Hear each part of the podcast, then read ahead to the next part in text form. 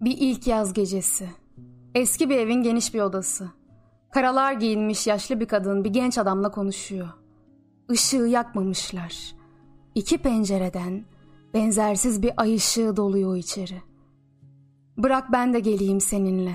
Ne kadar da güzel olur bu akşam. İyidir ay, iyidir. Kimse görmeyecek nasıl da ağarmış olduğunu saçlarımın.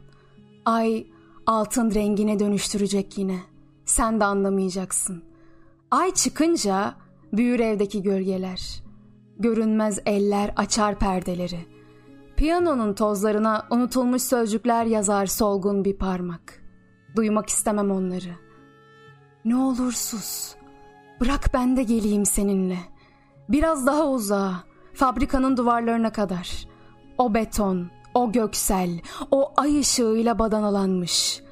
Öylesine kayıtsız, öylesine maddeden uzak, öylesine gerçek ve neredeyse soyut kentin göründüğü o köşe başına kadar. İstersen inanabilirsin yaşadığına, yaşamadığına hatta. İstersen hiç yaşamadım diye düşün. İnanma istersen zamana ve yıkımlarına. Tepeye tırmanırız, otururuz bir tahta sıraya. İlk yaz melteminin serinlediği bu saatte havalarda uçtuğumuzu bile düşleyebiliriz. Kaç kez çünkü tıpkı şu anki gibi giysimin hışırtısını, vuruşunu saymışımdır. Ve bu uçuşun uğultusuna bir bırakınca kendini insan sıkıştığını hisseder boğazının, böğürlerinin, etinin, yüksekliğinin o güçlü sinirlerinin kıskacında gök mavisinin kaslarına sıkışmış gibisindir. Ne önemi var gidiyor ya da dönüyor olmanın? Ne önemi var? Varsın ağarmış olsun saçlarım. Bu değil benim üzüntüm. Değil bu.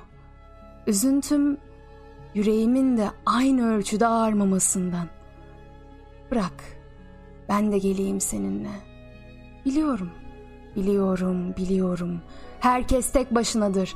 Aşkta da, şan şöhrette de, ölümde de tek başınadır.